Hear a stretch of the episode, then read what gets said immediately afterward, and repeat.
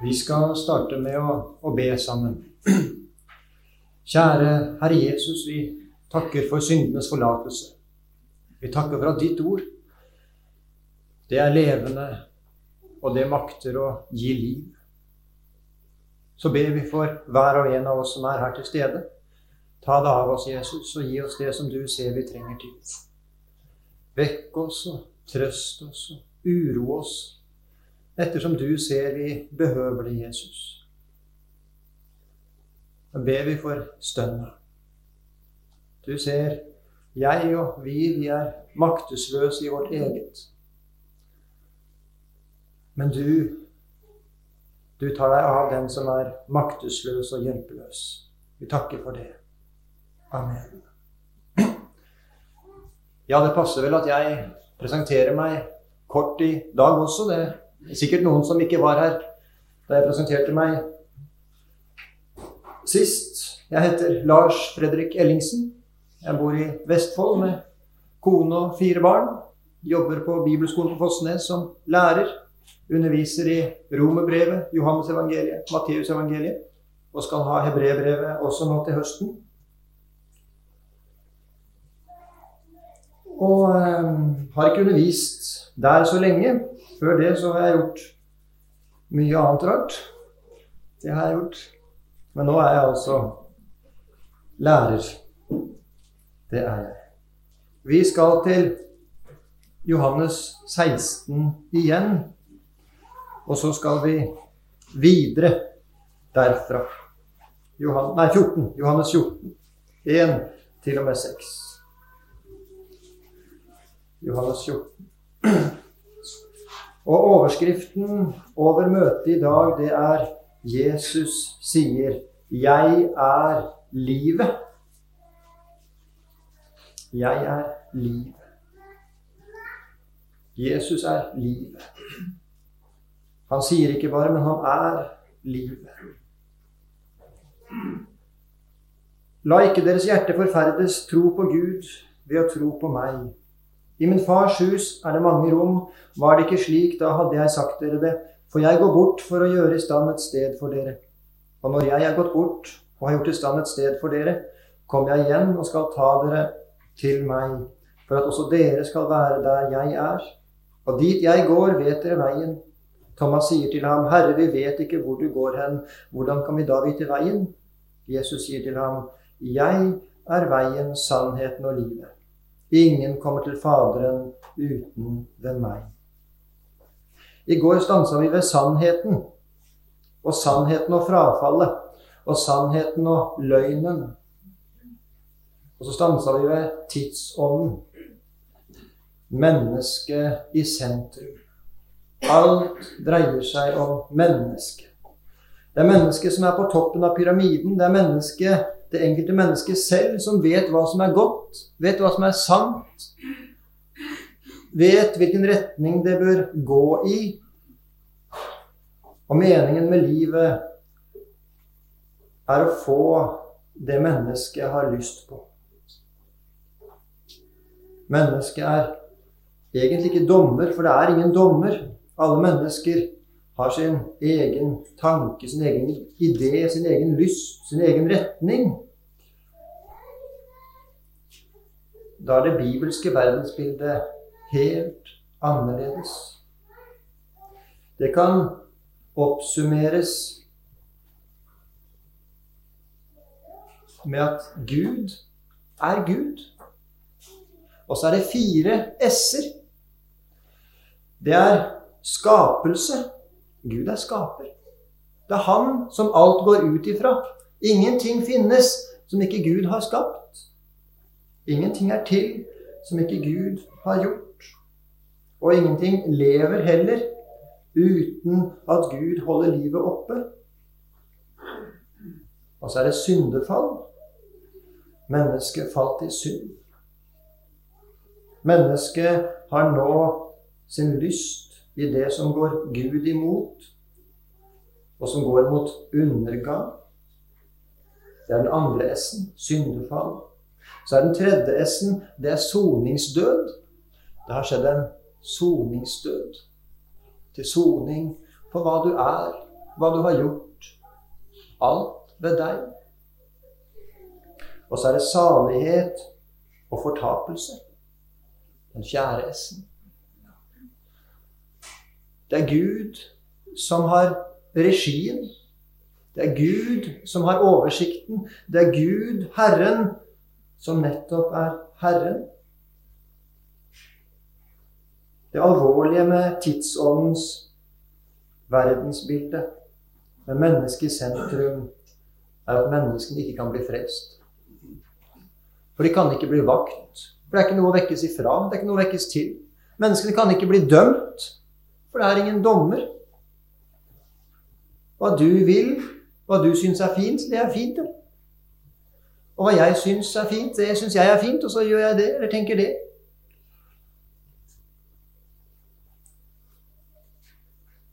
Et menneske som lever etter tidsånden, kan ikke bli frelst. Da må det vekkes. Da må det omvendes. Da må du få se at dette tidsbildet, denne tidsåndens verdensbilde, det er løgn og bedrag. Når våre barn og ungdommer vokser opp i en verden etter et sånt verdensbilde, så blir det fryktelig vanskelig for dem å bli vakt og frelst. For livet handler jo om meg, ikke sant? handler jo om det enkelte barn, den enkelte ungdom. Det er sentrum. Det er det alt skal dreie seg rundt. Jesus er livet. Og jeg starta litt med det da jeg sa det om skapelse. For Jesus, han er skaperordet. Vi skal til Johannes 1, 1-4. Der beskrives Jesus.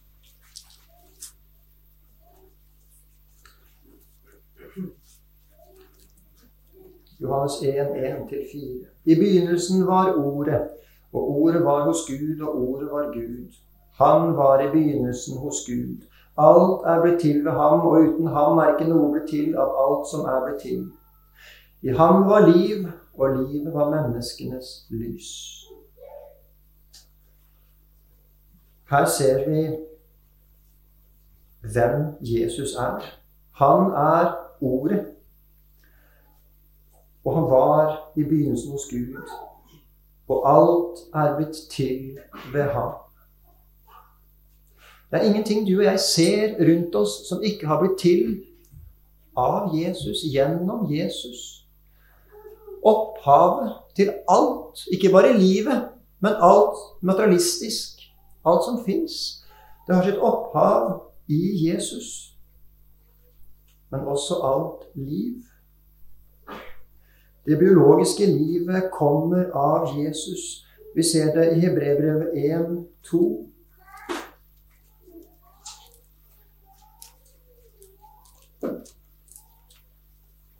Hele Bibelen vitner om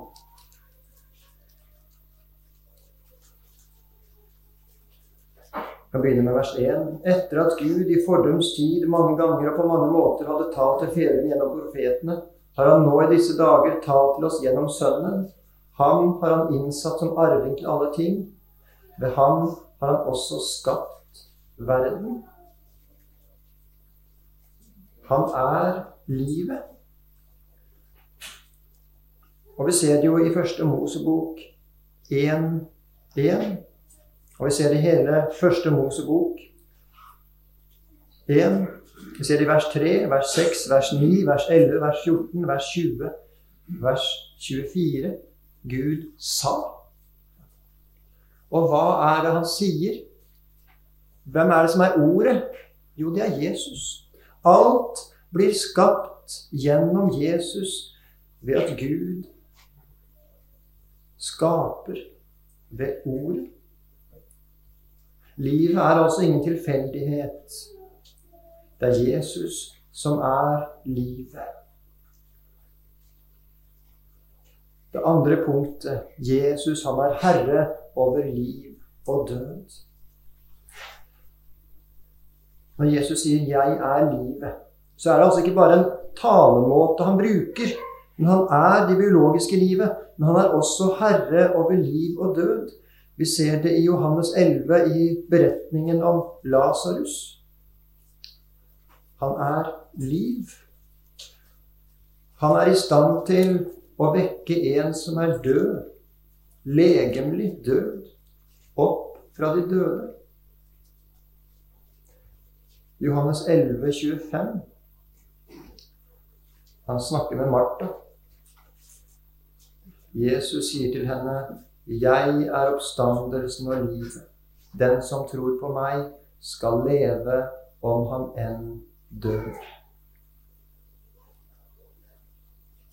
Han er herre over liv og død. Døden er en forferdelig ting. Den er vår siste fiende. Den er noe vi ikke rår med. Og den er mektig. Den er for oss mennesker noe skremmende og noe vi frykter, med god grunn. Når et menneske dør, da vet vi at det menneskelig sett ikke er noe håp mer. Da skal vi aldri mer treffe dette mennesket i denne verden. Aldri mer møte det her. Når livet er slutt, hjelper det ikke å være et mektig menneske i denne verden. Da hjelper det ikke hvor mange penger vi har. Når livet er slutt, hjelper ikke de beste leger. Døden er mektigere enn oss mennesker. Men Jesus, han er herre over liv og død. Han er større enn døden. Romerbrevet 8, 38 og 39.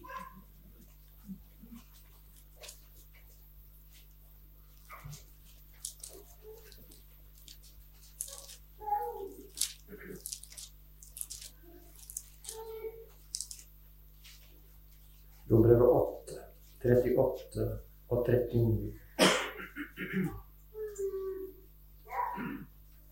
For jeg er viss på at verken død eller liv, verken engler eller krefter, verken det som nå er eller det som komme skal, eller noen makt, verken høyde eller dybde eller noen annen skapning skal kunne skille oss fra Guds kjærlighet i Kristus Jesus, vår Herre. Ved døden, da er vårt menneskelige håp brutt. Da kan vi ikke få gjort noe mer. Da kan vi ikke få gjort opp noe mer. Da kan vi ikke få utretta noe mer. Da kan vi ikke lenger ha noe håp om at vi skal få rette opp i det vi har ødelagt. Da kan vi ikke få sona noe mer for våre medmennesker. Da, da er håpet ute, menneskelig sett, for deg og meg. Men Jesus, han er herre over liv og død.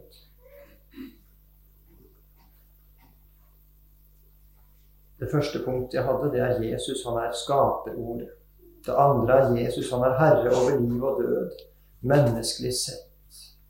Den som hører ham til, skal aldri i evighet dø. Sjøl om du skulle miste ditt liv her i denne verden. Og det skal nok de fleste av oss som er her. Vi skal nok det. Så er det likevel ikke døden. Og så er det punkt tre. Jesus er og gir det åndelige livet. Han gir samfunn med Gud. Rombrevet 5, 17. Og resten av timen skal vi, beholde, skal vi oppholde oss i Romerbrevet 5,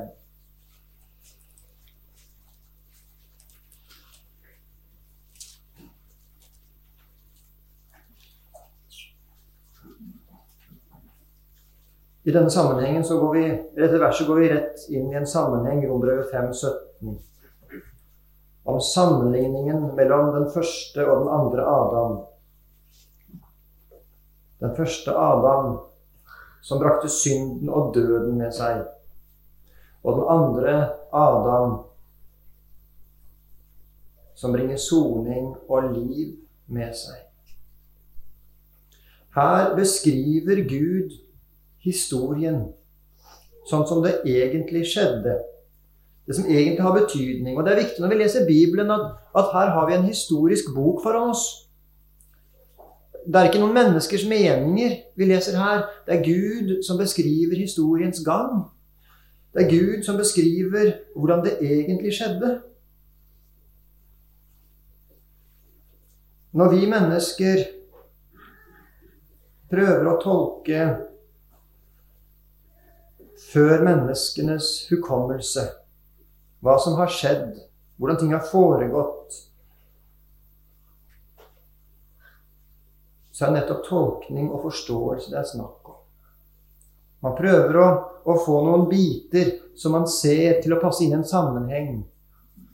Hvor gamle er disse steinene? Åssen blir livet til? Hvordan det ene og hvordan det andre. Det å ha med Bibelen å gjøre er noe ganske annet, for her er det Gud som taler. Og Gud, han er sitt eget vitne alle andre tilfeller så er det jo sånn at når det er snakk om vitner, så skal et vitne være uavhengig, ikke sant? Og det handler jo om at vi mennesker vi er ikke til å stole på. Hvis jeg skulle bli anklaget for mord, og så skulle jeg sjøl være den som skulle vitne om at jeg er uskyldig, så ville jo ingen tro på meg hvis jeg var eneste vitne og si at jeg var, jeg var, der, og jeg har ikke gjort det. Jeg hadde jo jeg hadde fullstendig nytte av å bli frikjent. Det må et uavhengig vitne som må ikke ha noe å tjene på å frikjenne meg, som må være der og si det. Fordi vi er løgnere. Vi er bedrageriske. Vi er ikke til å stole på. Og ikke husker vi godt heller. Sånn er ikke Gud. Gud er sann i alle ting. Han kan ikke lyve. Derfor er han troverdig. Han er den eneste som er troverdig. Her er hans beskrivelse av historiens gang. Her er hans beskrivelse av skapningen. Her er hans beskrivelse av menneskesinnet. Her er hans beskrivelse av deg og meg. Så når du og Gud er uenige om noe, så bør du skynde deg å komme på den rette siden av sannheten. For det vet du og jeg som har med Bibelen å gjøre, at det er én som er sann. Og det er Gud. Det er ikke deg eller meg. Rombrevet 5, 17. Og det er altså om Adam, det første mennesket, han sier. For om døden kom til å herske ved den ene fordi den ene falt, hvor meget mer skal da de som mottar nådens og rettferdighetsgavens årskjønn rikdom, leve og herske ved den ene Jesus Kristus. Du som er her i formiddag og erfarer døden i ditt kjød, som erfarer at synden herjer med deg. Du er ikke i stand til å fange dine tanker. Ja, du er i stand til å oppføre deg, holde deg i tømme, som vi hørte på femmøtet i går. Men hjertets retning, det er kjødets retning så altfor ofte. Og kjødet, det har alltid retning mot synden. Enten mot egenrettferdigheten, eller mot versligheten, eller mot den åpenbare synd. Og det er en fortvilet stilling å være i. Det er død i dine synder. Og så kommer deg ikke fri ifra syndens makt. Kjød er kjød. For døden kom til å herske ved den ene. Det er en beskrivelse også av synden, av syndens retning. For synden har død i seg, fører til død. der synden får leve, der blir det død i forholdet mellom mennesker. Der blir det fiendskap. Der blir det urett. Der blir det lidelse. Og der døden blir Der synden blir levd ut, så fører det til den evige død. Vers 21 i samme kapittel. Og like som synden hersker ved døden, så skal også nåden herske ved rettferdighet til evig liv ved Jesus Kristus, vår Herre. Synden hersket ved døden, så skal også nåden herske ved rettferdighet til evig liv ved Jesus Kristus, vår Herre. Synden hersker over kjødet. Synden eier kjødet. Det er det gamle menneske. Det er arven etter Adam.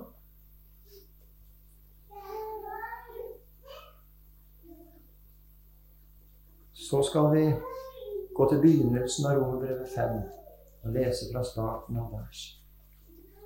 Her taler Romerbrevet til den som hører Jesus til. Her taler romerbrevet. Og det er viktig når vi leser Bibelen, at vi leser hvem det er snakk om i dette avsnittet. Dette avsnittet, det tilhører deg, du som er en kristen. Og er du ikke en kristen, så kan det bli ditt i dag. I dette øyeblikk kan det bli ditt. Da vi nå er rettferdiggjort av tro, har vi fred med Gud ved vår Herre Jesus Kristus. Ved Ham har vi også ved troen fått adgang til denne nåde som vi står i, og vi roser oss av håp om Guds herlighet. Ikke bare det, men vi roser oss også av våre trengsler, for vi vet at trengselen virker tålmodighet. Tålmodigheten virker et prøvet sinn, og det prøvede sinn håp. Og håpet gjør ikke til skamme, for Guds kjærlighet er utøst i våre hjerter ved Den hellige ånd, som er oss gitt. For mens vi ennå var skrøpelige, døde Kristus til fastsatt tid for ugudelig. For knapt nok vil noen gå i døden for en rettferdig. Skjønt for en som er god, kunne kanskje noen ta på seg å dø. Men Gud viser sin kjærlighet til oss ved at Kristus døde for oss mens vi ennå var syndere.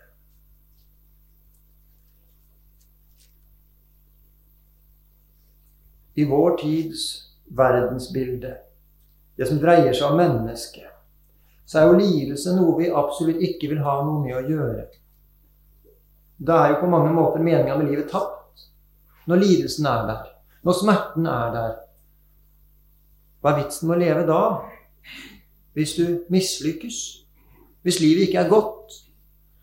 Når meninga med livet er å ha det godt og lykkes, hvis du er ensom og alene, og meningen med livet er å være sentrum av de andres oppmerksomhet og beundring, hva er da meninga med livet når du er ensom og har det vondt?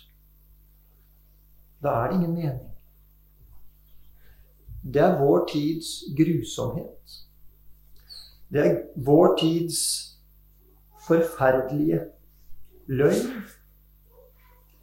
Og jo mer meninga med livet dreier seg om det enkelte mennesket, jo mer ulykkelig blir det enkelte mennesket. Jo mer lidelse blir det i det enkelte menneskets liv. Jo mer bedragerisk blir jaget. Og det er egentlig jag etter tomhet. Det er håpløshet med mennesket i sentrum.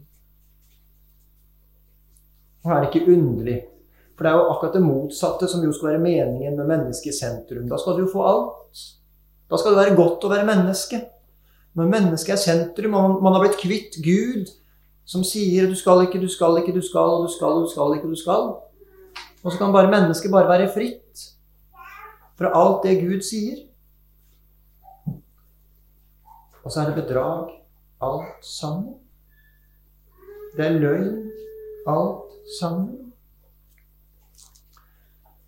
Ikke bare det, men vi roser oss også av våre trengsler, for vi vet at trengselen virker tålmodighet. Tålmodigheten virker et prøvet sinn, og det prøvede sinn håp. Og håpet gjør ikke til skamme. For Guds kjærlighet er utøst i våre hjerter ved Den hellige ånd, som er oss gitt. For ennå, mens vi ennå var skrøpelige, døde Kristus til fastsatt tid for ugudelige. Skrøpelig, sier Ørn Andersen, det betyr det som smuldrer. Det som ikke holder. Det som du ikke kan ta i uten at det går fra hverandre. Jeg vet ikke om din kristendom er sånn. Når du ser på din egen kristendom, åssen det står til med deg, hva du får til, hva du er i stand til å bringe Gud. Jeg håper du erfarer at den smuldrer, at den ikke holder. At din bønn, at din trofasthet, er av en sånn kvalitet at når du ser på den og måler den mot hva, hva som skulle holde for Gud, så smuldrer det. Og det er en av de grusomste trengsler å erfare. At min kristendom, den holder ikke. Den bærer ikke. Men det er også så mange andre slags trengsler mennesker har. Og du har helt sikkert dine ting i livet. Åndelig, om det er dine synder, eller legemlig, eller menneskelig, på et eller annet annet. På et indre eller ytre plan. Noe som er vanskelig. Og så sier han ikke bare at vi må holde ut med våre trengsler, men vi roser oss av våre trengsler. For vi vet at trengselen virker. For en kristen så er trengsler noe annet enn for en verslig. Ditt mål i denne verden er ikke denne verden. Og i vår tid så må vi minne hverandre på det igjen og igjen og igjen og igjen. Ditt mål er ikke denne verden. Ditt mål, det er å være så nær Jesus du kan komme. Ditt mål, det er himmelen. Ditt mål, det er syndenes forlatelse. Der er ditt mål. Og trengslene, det virker et prøvet sinn. Og det prøvede sinn håp.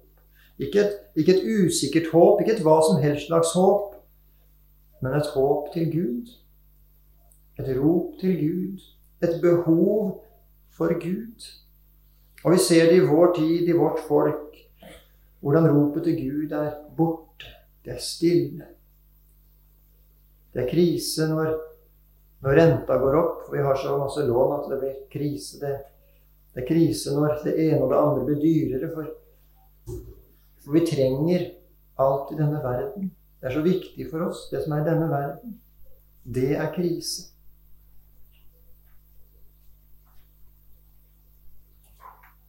Men ditt og mitt egentlige problem, menneskelig sett og åndelig sett, det er vår synd. Det er vår synd. Det er å være i fiendskap med Gud. Og det er det synden fører med seg. Synden, den har en forferdelig makt. Den er ikke en teoretisk størrelse. Men hver kristen vet det. At den er virkelig. Synden er sterk, og den er levende i alt kjød. Og skulle vi begynne å nevne opp synder, så ville vi ikke bli ferdig i formiddag.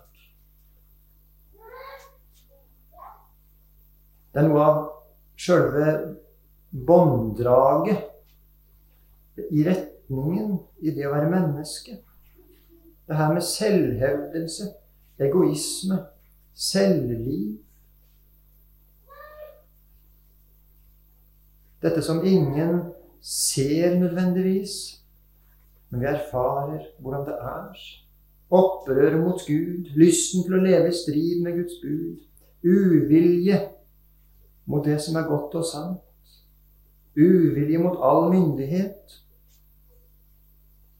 uvilje mot alt som står over oss, foreldre, lærere, myndigheter, lover, regler.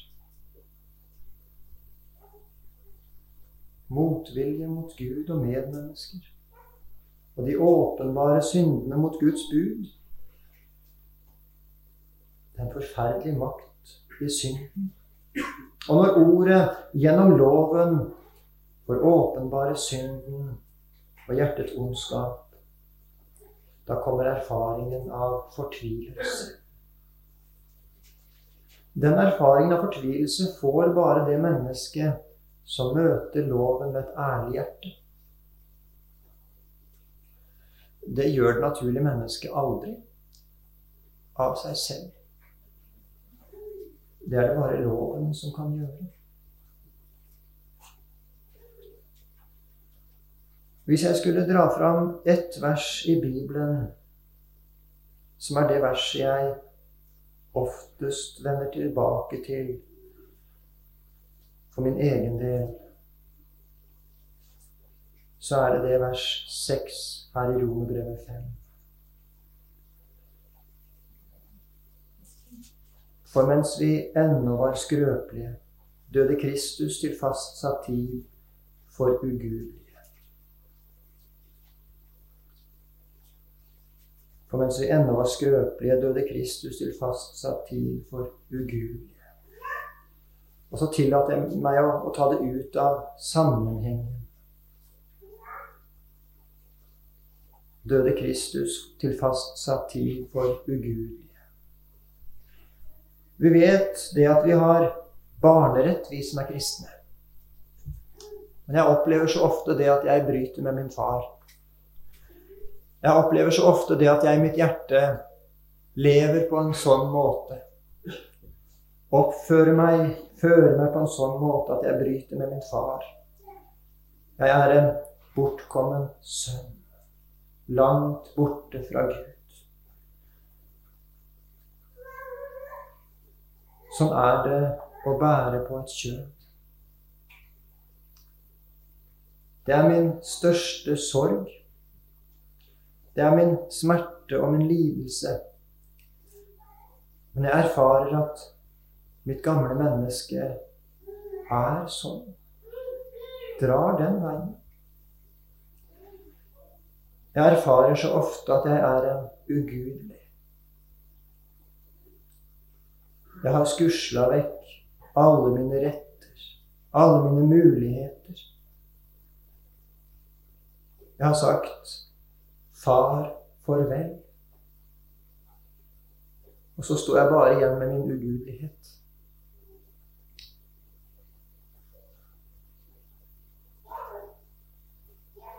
Og så får jeg vende tilbake igjen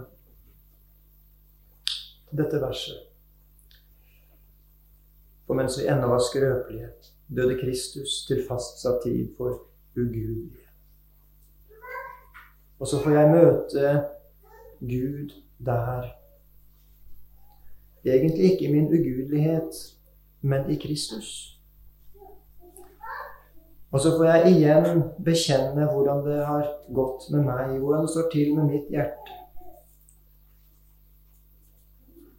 Hvordan synden er, og hvordan jeg er. Det er mitt kjønn. Og så får jeg holde fram for meg selv og for Gud at nå står jeg ikke her i mitt sted, men nå står jeg her i Kristi sted.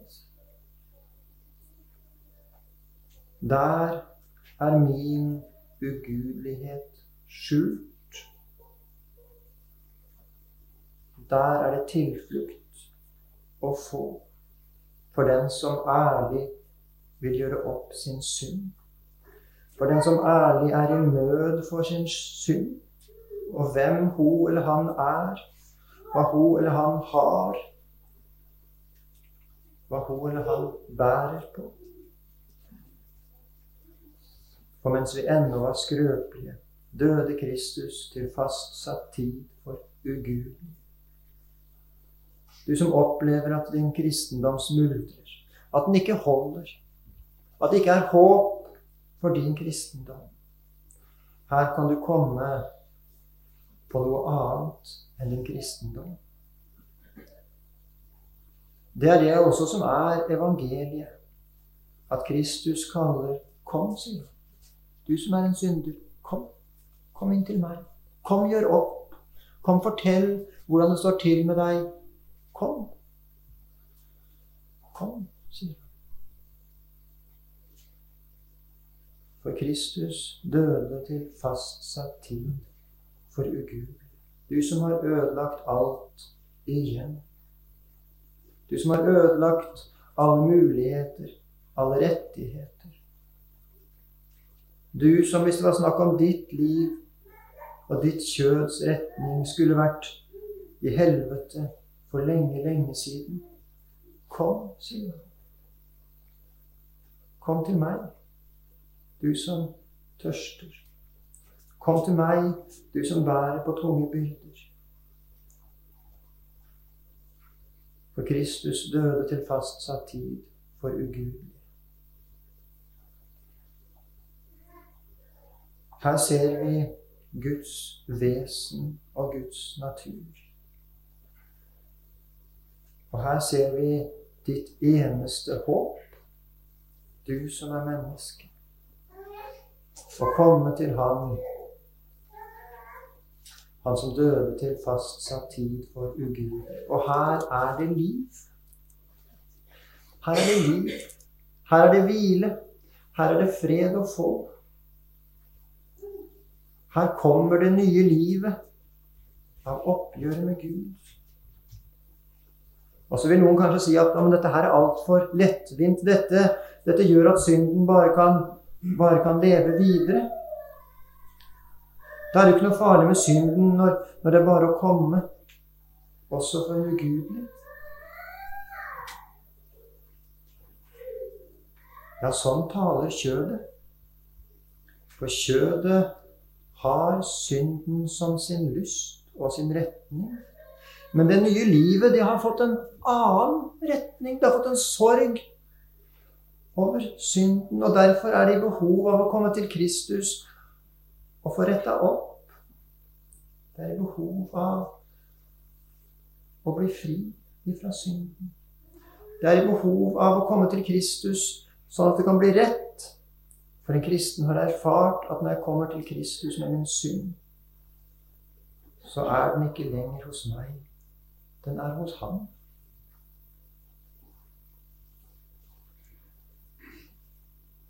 Den som er en kristen og har kommet til Jesus med sin synd, har blitt fri ifra synd. For mens vi ennå var skrøpelige, døde Kristus til fastsatt tid for ugudelige. Kjære Herre Jesus, vi, vi takker for at du er livet, og i deg er livet. Så ber vi Jesus om at du må åpenbare det for oss, hver og en av oss som er her til stede i formiddag. At du er livet. Gi oss trang, Jesus. Gi oss behov for å gjøre opp vår synd. Gi oss, behov, Jesus, for å bli fri fra våre synder. Sånn som bare du kan. Så ber vi for, for oss som er her, og du ser våre nærmeste. Vi har alle noen vi tenker på. Og du kaller på dem, Jesus, og drar dem inn til deg. Og du viser dem bedrageriet i synden og i denne verden, og sannheten i deg og ditt. Amen.